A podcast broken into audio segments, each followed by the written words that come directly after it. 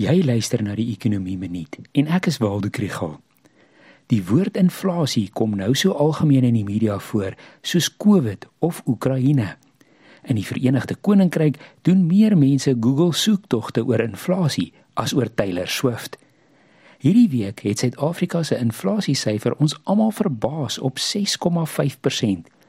Ekonome by Oxford Economics, FNB en Nedbank verwag dat die inflasiekoers bo 7% kan draai in Junie maand en ander voorspel dat die repo koers op 7,5% kan staan binne 'n jaar.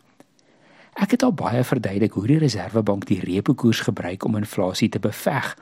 Maar is daar ander maniere om inflasie te verminder? Pryse is die resultaat van vraag en aanbod. So ons kan of die vraag verminder of die aanbod laat toeneem om pryse te laat daal. Op die vlak van die wêreldekonomie moet ons vra hoe die aanbod van olie en voedselkommoditeite kan toeneem sodat pryse kan daal.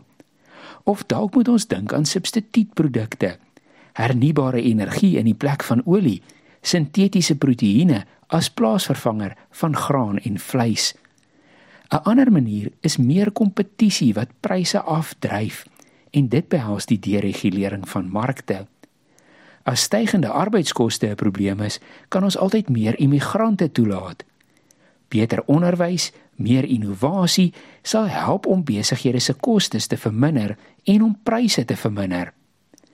Maar hierdie is alles dinge wat lank gaan vat om 'n verskil te maak. Hulpbronne vereis en hulle eie politieke ekonomie van wenners en verloorders het.